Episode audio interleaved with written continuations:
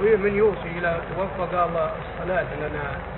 نهيت عنها بالموت ترجعها على عياله هل هو لا ما ما لا لا يصلى عن الاموات لا يصلى عنهم الصلاة اللي لا يصلى عنهم أما الصيام يصام عنهم إذا كان الصيام ولا ولا قضى صيام رمضان أو كفارة وقد عاش أيام وصاحي طيب ولا قضى يصام عنه.